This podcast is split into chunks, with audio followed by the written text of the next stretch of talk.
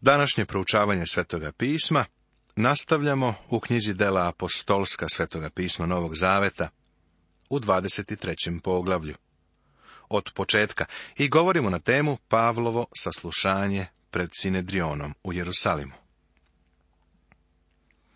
Veoma mnogo ljudi danas odlazi u krajnosti. Trude se da dožive neka velika emocionalna ili revolucionarna iskustva – kakva je imao Pavle. Ne verujem da nam je to potrebno. U stvari sumnjam da ćemo mi imati neka velika iskustva. Čovek Hristu dolazi verom. Treba da se pouzdamo u njega i da hodamo sa njim. On će nas voditi i usmeravati u svakodnevnom životu. Vidjeli smo kako je rimski kapetan uhapsio Pavla i poslao ga u zatvor, s namjerom da ga tuku. Uzdržao se od toga kada je shvatio da je Pavle rimski građanin. Bio je iznenađen kada je uvideo da je Pavle jevrein koji govori grčki jezik, a pritom je rimski građanin. Pavle je bio visoko obrazovan, gospodin i kosmopolita. Sada želi da mu sudi Sinedrion koji su sačinjavale verske starešine. Pavle se uzaludno trudi da objasni Sinedrionu svoj položaj i ponašanje. Gospod ohrabruje Pavla. Potom vidimo kako se kuje zavera da se Pavle ubije, što dovodi do njegovog premeštanja u Kesariju, da mu se tamo sudi pred Feliksom. Ovo je izvanredan deo i vrlo uzbudljiv izveštaj o Pavlovim doživljajima, dok je bio zatvorenik za Isusa Hrista. Pavlova odbrana pred Sinedrionom.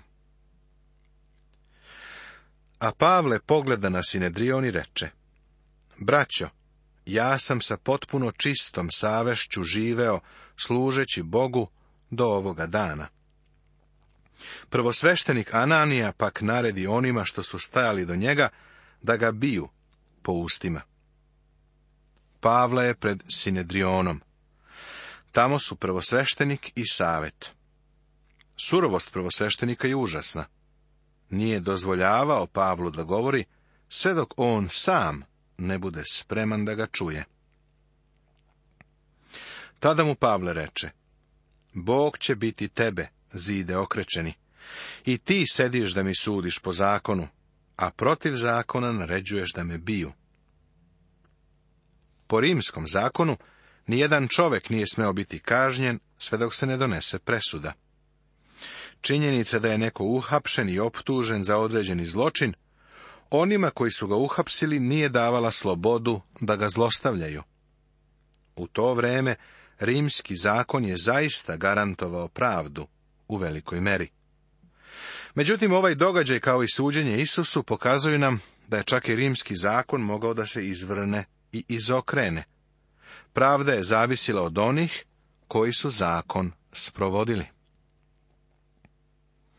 U naše vrijeme ima mnogo ljudi koji smatraju da ako promenimo način vladavine ili makar političku partiju, odnosno ako ne budemo u vladajućoj ili vladajućoj koaliciji koja god je u pitanju, to će našim problemima doneti rješenje.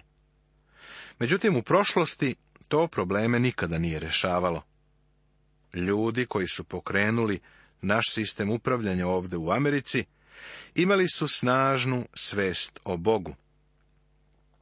Iako je čovjek, poput Tomasa Jeffersona, bio deista, nije se baš mogao nazvati nanovorođenim vernikom, ipak je imao uverenje da je Biblija Božja reč, pa ju je poštovao. Danas u našem vođstvu manje više to ne nalazimo, ali se i dalje pitamo zašto sistem ne funkcioniše. Mislimo da mi treba da promenimo sistem. A znaš li šta stvarno treba da uradimo? Treba da promenimo srca ljudi. Promena je potrebna čoveku, a ne sistemu. Prvosveštenik naređuje da Pavla udare po ustima. Ali se Pavle tome vrlo snažno usprotivio. Ovo treba da odagna ideju da je Pavle bio nekakav slabić. Utisak da poniznost od čoveka stvara nekakvog plašljivka je pogrešan. U stvari poniznost i krotkost ne znače da si se podredio Božjoj volji, uprkos tome koliko to košta. Pavle je krotak čovek i ponizan je, ali neće ležeći da podnosi nepravdu. On ovog čoveka naziva okrečenim zidom. Ti sediš da mi sudiš po zakonu, a protiv zakona naređuješ da me bije. Ovo nam otkriva da je Pavle poznavao zakon. Čovek nije mogao biti osuđen ni kažnjen pre nego što se donese presuda. A oni što stojahu tu rekoše, vređaš prvosveštenika Božijeg. Pavle nije znao da je taj čovek bio prvosveštenik. Prvosveštenika bi svakako prepoznao već na prvi pogled, Pre njegovog obraćenja on je bio farisej u sudu.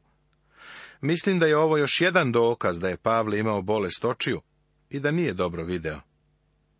Kada dođemo do poslanica, vidjet ćemo i druge izjave koje ukazuju na to da je imao problema sa vidom.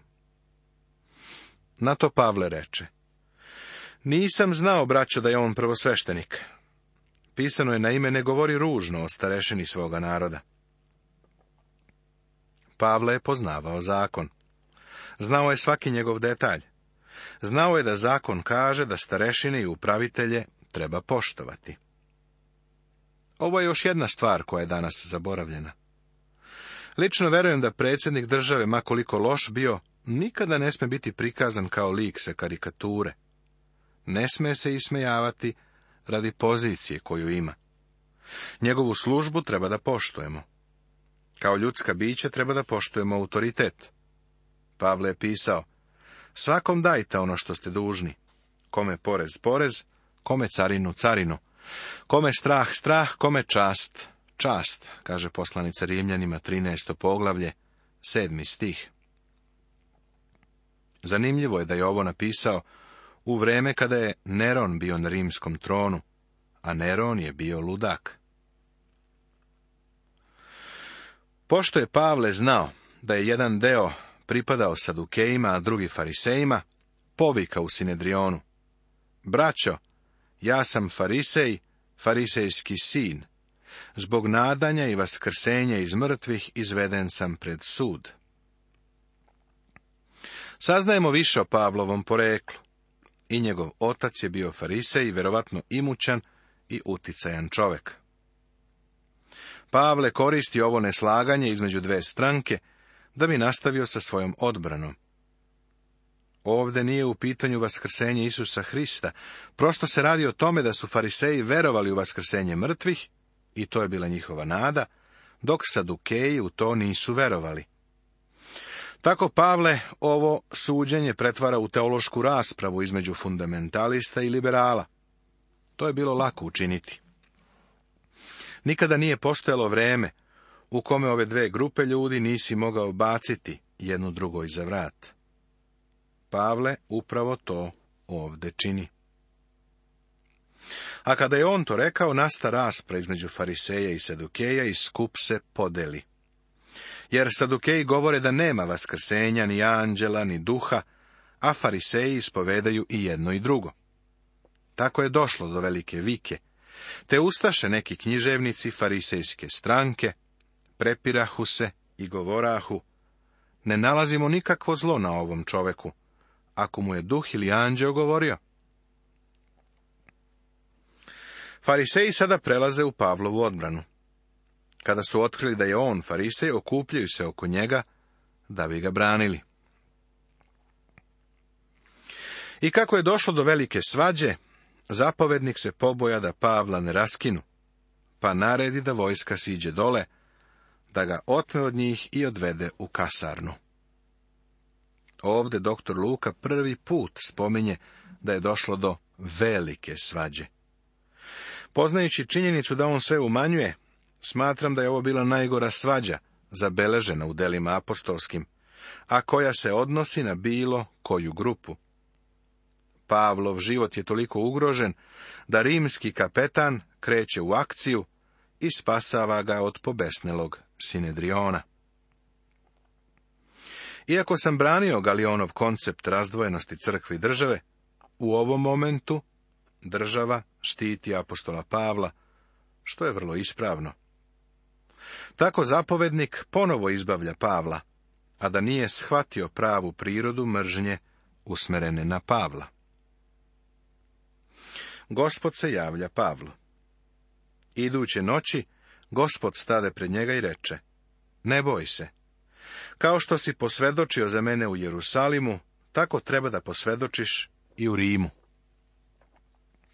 Ovo nam ponovo pokazuje da Pavle nije bio izvan Božije volje kada je otišao u Jerusalim. Duh Božiji je upozorio Pavla da očekuje okove i nevolje ako ode u Jerusalim. Uprkos ovome, Pavle je otišao u Jerusalim i u tom gradu je svedočio za gospoda Isusa. Sada mu gospod kaže da baš kao što je svedočio u Jerusalimu, tako će svedočiti i u Rimu. To je Božiji metod. Pavle nikada pre nije imao takvu priliku za svedočenje u Jerusalimu.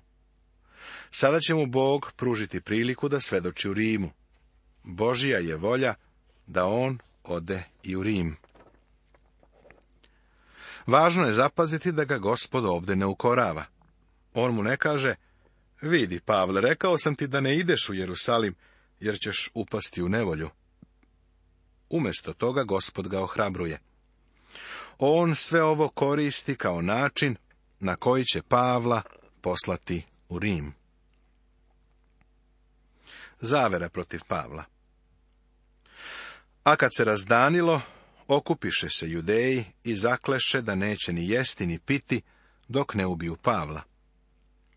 Mislim da su poprilično ogladneli i ožedneli pre nego što se ovo okončalo.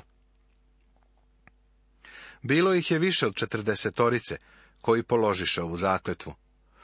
Ovi priđoše prvosveštenicima i starešinama i rekoše, zakletvom smo se zakleli da nećemo ništa okusiti dok ne ubijemo Pavla. Stoga vi sad sa Sinedrionom podnesite zahtev zapovedniku da ga svede k vama, kao da biste htjeli tačnije da ispitate njegovu stvar. A mi smo spremni da ga ubijemo pre no što se približi. Ovo je zavera da ubiju Pavla. Dobro je da je sam gospod jasno pokazao Pavlu da za njega ima potpuno drugačiji plan, da Pavle ide za Rim. Sin Pavlove sestre, međutim, ču za ovu zasedu dođe i uđe u kasarnu te javi Pavlu. Pavle pak dozva jednog od kapetana i reče, odvedi ovog mladića zapovedniku, jer ima nešto da ga obavesti. Ovaj ga uze, odvede zapovedniku i reče, sužanj Pavle, dozvao me je i zamolio da ovog mladića dovedem k tebi, ima nešto da ti kaže. Pavle ovdje ističe svoje pravo kao rimski građanin. Također, ovdje više saznajemo o Pavlovoj porodici. Vidimo da ima sestru, koja sa svojom porodicom živi u Jerusalimu. Tada ga zapovednik uze za ruku, povuče se s njim nasamo i pitaše, šta je to što imaš da mi javiš? Na to on reče, judeji su se dogovorili da te zamole da sutra svedeš Pavla u Sinedrion, kao da nameravaš nešto tačnije da saznaš od njega. Ne daj se dakle nagovoriti od njih, jer ga vrebaju više od četrdeset njihovih ljudi, koji su se zakleli da neće ni jesti ni piti dok ga ne ubiju. I sad su spremni, samo čekaju tvoje obećanje. Tako zapovednik otpusti mladića i naredi mu, nikom nemoj da kažeš da si mi ovo javio. Ovako je i kapetan upozoren na zaveru koja je bila skovana protiv Pavla. Hajde da se ovdje zaustavimo da bismo nešto zapazili. Vidim da danas postoji grupa super pobožnih ljudi, vrlo iskrenih i dobronamernih, koji mi kažu da ne treba da idem lekaru zbog moje bolesti, patim od raka, koje imam, nego da treba samo da se pouzdam u gospoda da će me isceliti. Pa ja se u gospoda svakako pouzdam, Velikom lekaru sam predao moj slučaj. vjerujem i to, da on obezbeđuje lekare. Znate, za Pavla bi bilo jednostavno da je svom sestriću rekao, hvala ti što si me objavio, ali ja se puzdem u gospoda, zato idi sad kući. Međutim, vidimo da je ovdje Pavle iskoristio privilegije rimskih građana, koje su mu bile dostupne. Očigledno nam gospod obezbeđuje takva sredstva i od nas očekuje da ih koristimo. Ovo nikako ne znači da se ne pouzdamo u Boga. Naprotiv, pouzdajemo se u Boga, pa zato koristimo te metode i sredstva da bismo ispunili njegov cilj. Pavle je poslat u Kesariju. Zapovednik stupa u akciju. Biti upozoren znači biti dobro naoružan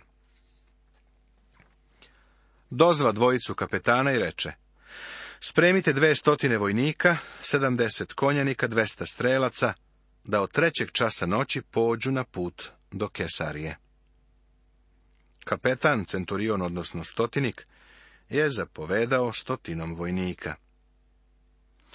Opremite i konje da posade Pavla i bezbednoga privedu namesniku Feliksu. Ovo je povelika vojska koja prati Pavla u Kesariju. Da li je to ono što bismo nazvali pouzdanjem u Boga? Kapetan je naravno sve ovo naredio, ali je Pavle podstakao ovaj vid zaštite. Ovo nam otkriva opasnost u kojoj se Pavle našao. Nema sumnje da su jevreji imali nameru da ga ubiju. Pavla sada šalju u Kesariju, da se pojavi pred namjesnikom Feliksom. Rimski namjesnici su imali štabove u Kesari. Samo povremeno su odlazili u Jerusalim. I Pilat je tamo imao svoj štab. Ruine tog starog rimskog grada i danas stoje. Mesto na kome se nalazi na obali je zaista divno. Razumem zašto su ovi Rimljani više voleli da žive u Kesari nego u Jerusalimu. Kada sam tamo bio, klima je bila divna, a u Jerusalimu sam se smrzao. Pavle treba da ide u Kesariju kod Feliksa. To će ga ukloniti iz opasnosti koja mu preti u Jerusalimu. I napisa pismo sljedeće sadržine. Iako je doktor Luka možda imao konkretno pismo, kada kaže da je pismo bilo sljedeće sadržine, to verovatno znači da nije imao pristup pismu, već da samo prenosi njegov smisao. Klaudije Lisija pozdravlja uglednog namesnika Feliksa. Ovog čoveka koga su judeji uhvatili i htjeli ubiti, ja sam došavši sa vojskom izvukao, pošto sam doznao da je rimski građanin. Kapetan u Jerusalimu želi da kesarijski namesnik zna da on vrši svoju dužnost i da štiti rimske građane. Želeći da doznam za kakvu krivicu ga optužuju, svedoh ga u njihov sinedrion — nađoh da ga optužuju za sporna pitanja njihova zakona, a da nema nikakve krivice koja zaslužuje smrtnu kaznu ili okove. Jasno je da Klaudije Lisija nikada tačno nije saznao kakva je optužba protiv Pavla. Znao je samo toliko da se odnosi na njihov zakon. Pod rimskim zakonom Pavle nije bio kriv ni za šta što bi zasluživalo zatvor. Pošto mi je predočeno da se sprema napad na ovoga čoveka, poslah ga odmah k tebi i tužitelje uputih da pred tobom kažu šta imaju protiv njega. Zdravo. Tako vojnici uzeše Pavla, kako im je bilo zapoveđeno, i sprovedoše ga noću u Antipatridu. Sutradan ostaviše konjanike da produže s njim, a oni se vratiše u kasarnu. Ovi pak dođoše u Kesariju, predaše pismo namesniku i izvedoše Pavla pred njega. Pošto je pročitao pismo, upita ga iz koje je pokrajine i kad je doznao da je iz Kilikije, reče, saslušat ću te kad i tvoji tužitelji dođu. Zapovedi pak da ga čuvaju u Irodovom dvoru. Vidjet ćemo kako su ovi optuživači brzo došli u Kesariju.